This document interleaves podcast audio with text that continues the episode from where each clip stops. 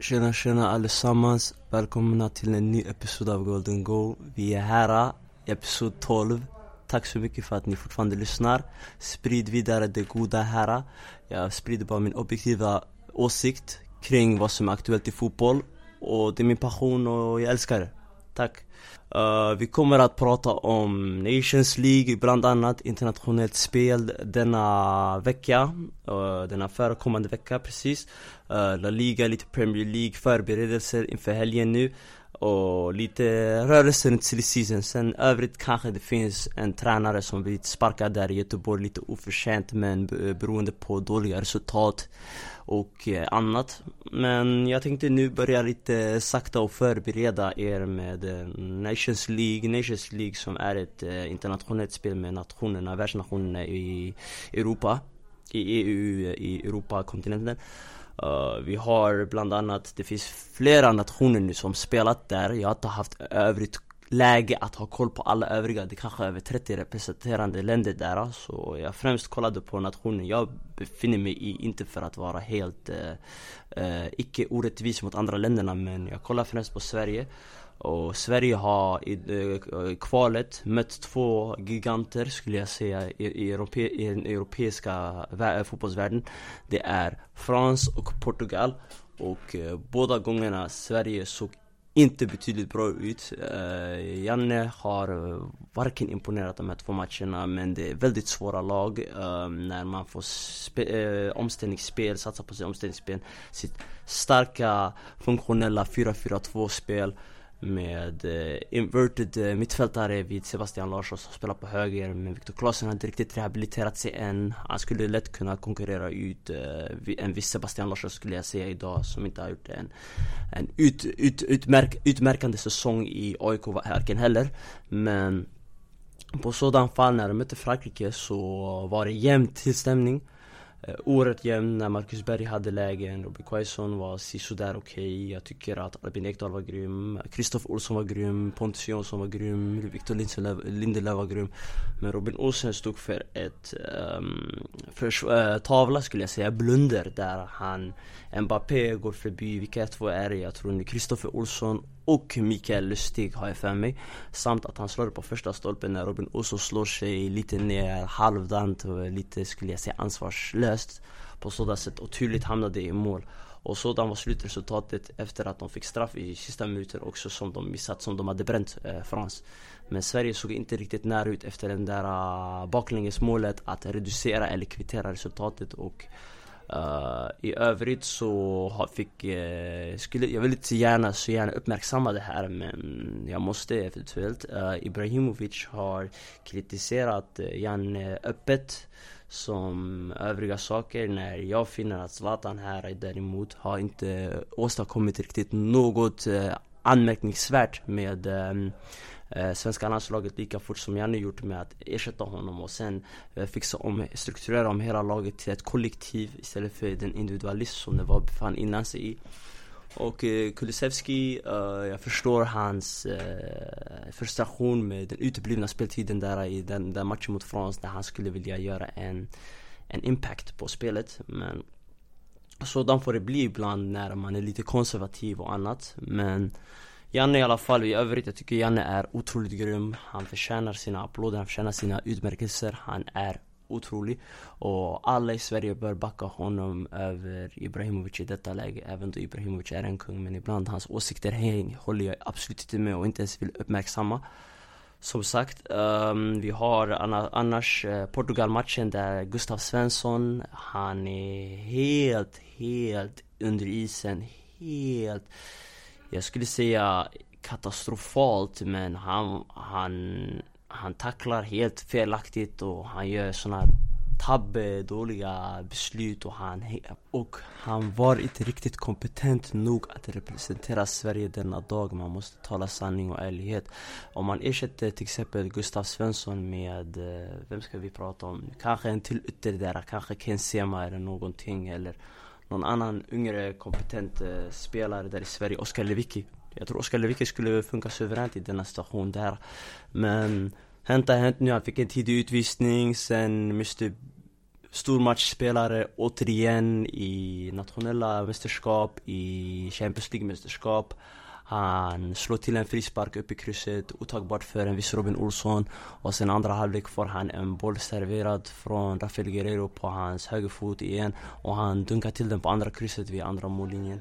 Han är eh, otrolig, en otrolig idrottsman. Eh, antagligen när han lägger skorna i hyllan och tid har gått kommer vi verkligen förstå oss på hans växande som en färdig fotbollsspelare från dribblingar och spelförståelse och kvickhet till en färdig produkt, produkt, produktiv målgörare som gör mål som ingen annan i fotbollsvärlden har gjort kanske möjligtvis innan. Uh, Ronaldo, Ronaldo är Ronaldo, Ronaldo. All respekt och kärlek till Ronaldo. För hans eh, åstadkommelser och övrigt hur han är fortfarande är så riktigt, riktigt bra.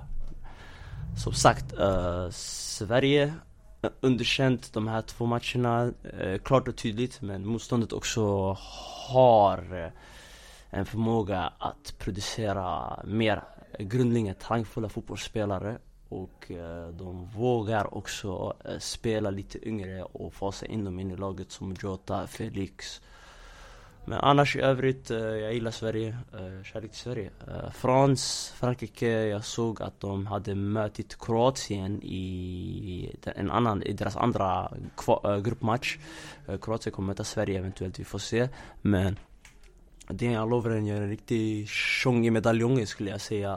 och det var mycket rotation, Moussa Sissoko spelade, Enzozi spelade, uh, Obamecano spelade, Longlet spelade, inte vanligtvis varann.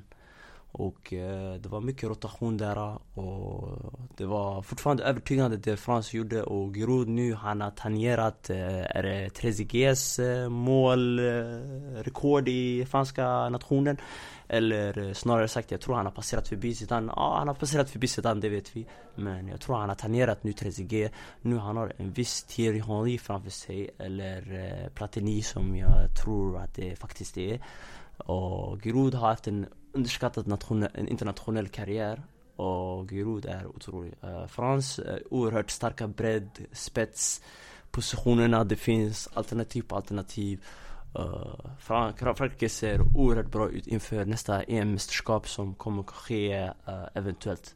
Som sagt, Uh, I övrigt, uh, Nations League, det var lite kort om Nations League. Uh, Nations League, ja, jag gillade det mer än, om vi ska vara ärliga, jag tror alla är överens att man gillar det mer än bara random internationell träningsmatch som är väldigt betydelselöst och, och det kanske inte är lika event, eventfullt som ett mästerskap med någon sorts betydelse. Så sammanhanget och idén och bakom allt, Welcome Nations League, jag respekterar och jag förstår mig på den och jag gillar den också. Uh, I helgen nu börjar La Liga och Premier League men främst vill jag börja med La Liga nu där uh, Barcelona har sålt uh, lite, skulle jag säga, truppspelare under senare tid som Rakitic gick tillbaka till Sevilla. Vidal håller på, eh, hållit på, hållit in och på att han ska in och ut ur klubben. Han öppet kritiserar dem att han kommer möjligtvis att riva upp sitt kontrakt med hans, med hans agent, advokat och Barcelona styrelsen. Eh, vi har eh, i övrigt, eh, de har inte gjort några nödvändigtvis stora förstärkningar på någon position som vi skulle gärna se efter deras senaste miserabla insats mot ett visst krönat Champions League-vinnare Bayern München. Och Lionel Messi stannar kvar i klubben trots mot hans egna initiativ att vilja söka en ny eh, uppdrag eller ett nytt eh, projekt eller ett nytt, eh, en ny tävling, en ny, en ny någonting, ett nytt någonting. Så på sådant fall um, jag tror fortfarande vissa andra spelare kommer gå bort. Det ryktas Wijnaldum kommer in. Wijnaldum jätte, jätte, jätte, jättebra. Pre eh, han, han klarar av press på sig. Han är skicklig dribblare. Eh, han är kompetent på duellspel. Han har styrka, han har kroppsstyrka. Eh, uh, Wijnaldum skulle direkt förstärka um, ett Barcelona mittfält nu som är åldrat och skulle underlätta mycket för Frankie de Jong där det finns den holländska barriären där de spelar utmärkt tillsammans i det nuvarande holländska landslaget. Samt att det ryktas inte någon annan förstärkning där. Ter Stegen har inte hört någonting av. Piqué kommer möjligtvis spela igen. Busquets kommer att starta i nästa års mittfält. Uh, Pjanic kommer att rota nota lite bänk inledningsvis, jag kommer tro. För Ronald Koeman gillar inte riktigt en sån där regista som vi har sett från tidigare tider eh, vid Southampton eller Everton. Hans senare eh, uppdrag eller utmaningar i England innan han återvände till holländska, holländska nationen och landslaget. Som sagt, um, Spännande att se Barcelona i övrigt men just nu jag tror det är fullt med lite för mycket individualism och annat så det behöver lite förstärkningar så det underlättar för Messi och annat. Uh, Real Madrid har inte heller gjort någon riktigt, riktigt stor förstärkning men de har sålt en som jag kommer att gå över och täcka senare. Um, vi har Odegaard som har kommit tillbaka från lån, uh, den här Lunin, Andrei Lunin, den andra målvakten jag tror till kommande säsong nu när Areola gick tillbaka till PSG som lånade ut han till Fulham, förlängde Areolas kontrakt och lånade ut han till Fulham. Ehm, um, André Lunin var imponerande på uh, i vilken, vad var det han spelade i? Uh, Liga, Liga 2, jag tror han spelade i La Liga 2. Så eh, han var riktigt, riktigt bra där. Och eh, Vallejo, man lånade ut Vallejo igen, man lånade ut Ceballos igen och eh, ja, Real Madrid var värde och Mendy, Vinicius, Rodrigo.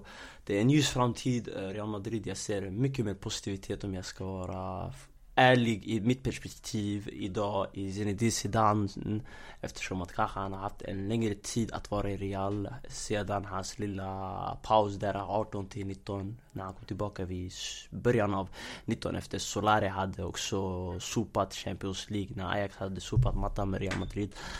Och um, Ja men det ser ungefär likadant ut som det gjorde när säsongen tog slut uh, vidare. Uh, vi får se bara vad Real gör offensivt som kan bli bättre för defensiven var stabil. Och mittfältet var lovande men det kan behövas en mittfältare till nu när Modric fortfarande blir äldre och Kroos blir äldre och de kan behöva understöd för MVP av La Liga season förra säsongen. Det var ju en viss Casemiro. Ja, så Real Madrid samma ungefär. Så vi, du får bara se fram emot det i övrigt. Eh, Valencia, Roseri, eh, sålt Rodrigo, sålt eh, Parejo, klubb, eh, trotjänaren till Villarreal gratis. Eh, Coquelin, gratis. Eh, Peter Lims, när han sparkade Marcelinho i början av säsongen märkte jag där att eh, kanske han inte är bra på att fatta de långsiktiga besluten klubben behöver. Och eh, nu när man inte har värvat någon annan, det kan luta sig mot en mittenposition i tabellen denna säsong. Eh, mot, rättare, rättare sagt, nedflyttning. Men Valencia har en grundlig bra akademi så jag kan se dem bli bra av de här försäljningarna på de här eh, rutinfyllda spelarna som brukar starta säsong i säsong de senaste fyra, tre säsongerna. Men vi får se vad som händer med Valencia. Atletico Madrid, eh, Atletico Madrid, Atletico Madrid. Uh, Cholo Martinez, han trollar och så övrigt. Uh, men uh, de har värvat loss en spelare annars som jag kommer täcka lite senare som typ min sista uh, ämne, ämnesrika uh, topicen i denna episod för er lyssnare. Så um, det var det i alla fall från de här grabb... Det var det från de här klubbarna rättare sagt. Um, nu vi, kan, vi kan inte underskatta klubbar, Getafe, Real och de här andra, de är riktigt bra också men vi får se mer av dem. Real Sociedad också som vi sa tidigare, de värvade ju David Silva också så nu de blir, har en annan extra spets, extra nyttig spets med rutin där framme. Som kan underlätta för William José Alexander Isak nu när Odegaard också gick tillbaka till Real Madrid. Odegaard kommer bli riktigt spännande att se. Jag tror Zidane kommer att gilla verkligen honom. Och nu vi går till Premier League Preview. Premier League Preview, vi har Leeds där som kommer in från Championship. De har, de där, det har sett ut som att de ska komma upp till Premier League i tre säsonger men varje gång i det här kval, när de kommer tredje plats, trean till sjuan, måste möta varandra i ett, ett litet Championship-mästerskap för vem som kvalar upp till eh, Premier League så har de förlorat i respektive finaler, semifinaler de kommande åren. Men det är något annorlunda som har klickat den här säsongen när de när, enligt statistik, det är det lag som gör flest mål per match och det lag som enligt statistik släpper in mest minst mål per match. Och Marcelo Bielsa, den evigt galna mannen som jag skulle kalla han Guardiola säger öppet att det är den bästa tränaren någonsin. Och han har lärt eh, grundligen Tata Martino, Guardiola, Pochettino, eh, Sampioli. Alla de här har spelat fotboll under han Så man kan förstå hans lärdomar. Han har haft tidigare succéer i kortsiktig succé skulle jag säga France med Marseille Där de såg ut som titelrival 2000 11, 12 eller 12, 13 om jag minns rätt. Och Bilbao innan det precis när de vann, när de kom till final mot Atletico Madrid där precis en Chole, Diego Martin, eh, Diego Simeone hade tagit över Atletico Madrid med Falcao i spetsen och uh, de här, eh, vilka var det? Thiago, Thiago Mendes och de andra, Philip Luis och andra. De här riktiga tror, elitfotbollsspelarna, trotjänarna. Um, så, eh, Bielsa har riktigt bra lag från Jack Harrison, den evige Pablo Hernandez som snart eh, kommer till åldern 40. Vi har Calvin Phillips där som kommer att bli ett stort utropstecken. Ben White från Brighton som var utlånad gjorde en strålande säsong. Men de har ersatt han med en kompetent eh, mittback från Freiburg som jag nämnt i tidigare episod. Han heter Robin, Robin Koch, eller jag vet inte hur man uttalar det. Som sagt i Deutsch. Men som sagt, eh, de ser bra ut. De värvade, de, de som värvade också eh, Rodrigo från Valencia, som jag tidigare nämnde, Valencias raseri. Eh, Leeds blir intressant att följa och de har ett bra spelsystem sådär med lite avancerade rörelser i mittfältszonen och de anpassar sig bra mot genomstående motstånd. Marcelo Bielsa är en väldigt skicklig tränare. Jag har mycket, mycket admiration och mycket, eh, jag finner mycket inspiration hos en viss Marcelo Bielsa även då jag inte är grundligen en fotbollstränare heller. Uh, vi har uh, Liverpool titel, eh, titel, titelfavoriterna. Uh, de har inte förstärkt någonting, de har inte sålt någonting utan uppenbart, för uppenbart. Men vi har City där som har ju värvat sedan tidigare. Torres, Ake, ryktas nu Koulibaly. Jag tror starkt Koulibaly kommer att representera City. Och han och Laporte kan forma ett formidabelt försvarslinje. Formidabelt.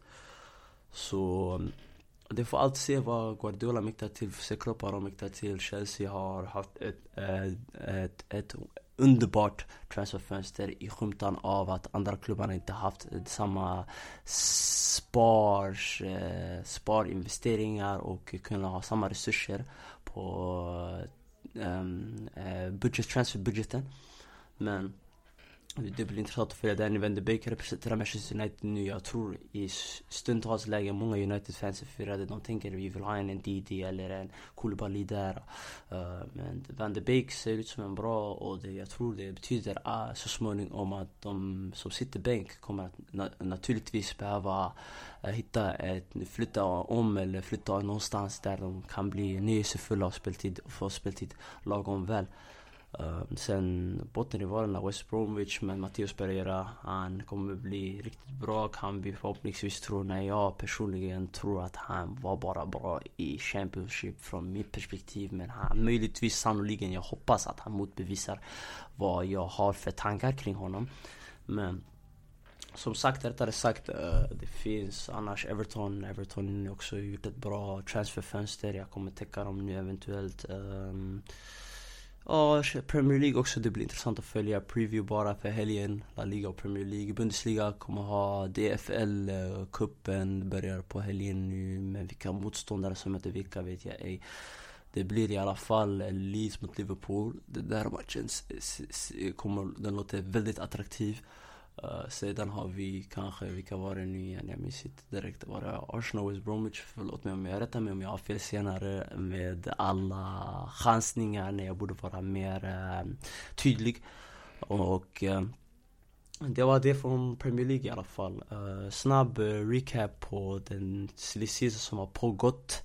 Det är de tre stora värvningarna sedan jag sist spelade in. Sist spelade in. Jag tänker inleda med en viss James Rodriguez från mm, Real Madrid som har varit utfryst i Zidans eh, bänk. Och eh, Zidane har inte bara klickat riktigt med James Rodriguez där jag tycker James Rodriguez är en en riktigt, riktigt bra fotbollsspelare. Inte från hans one-mästerskap där alla plötsligt var på hans bandwagon skulle jag säga.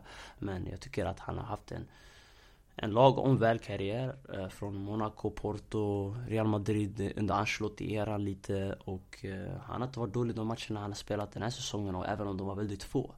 Men han och Zidane för några konstiga vidare anledningar har inte riktigt fått en, en samspel och kommunikationsnivå.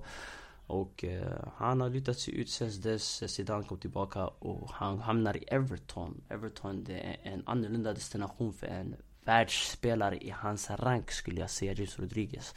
Men Ancelotti kanske har den där dragkraften för Ancelotti är Ancelotti. Är Ancelotti. Ancelotti är väldigt eh, etablerad, eh, väldigt stor tränare, bland de bästa någonsin skulle vi säga med uh, en viss Sir Alex, kanske Van Gaal och andra övriga. Och jag tycker att det var ett bra byte. Jag, tycker, jag, jag tror alla är överens att eh, en Rodriguez i form sätter en Sigurdsson i bänken. Men Sigurdsson också, även om han är en Premier League eh, etablerade etablerad fotbollsspelare skulle konkurrera med honom. Så det blir nyttigt lagom spel. Vi får alltid se vad eh, uh, Jesus Rodriguez erbjuder i Premier League. För han har prövat i Bundesliga, det gick lagom väl. Han har varit i Frankrike, det har gått lagom väl. Han har varit i Spanien, jag tycker han har varit bra där. Men vi får se vad England erbjuder för Jesus Rodriguez. Uh, stora transfer nummer två är en italiensk och det är den stora, största supertalangen nästa som kommer att erövra, bemästra eh, italiensk mittfält kommande åren om han får ytterligare utveckling. Det är Sandro Tonali från Brescia som jag sagt tidigare är bland topp fem bästa genombrotten den här säsongen.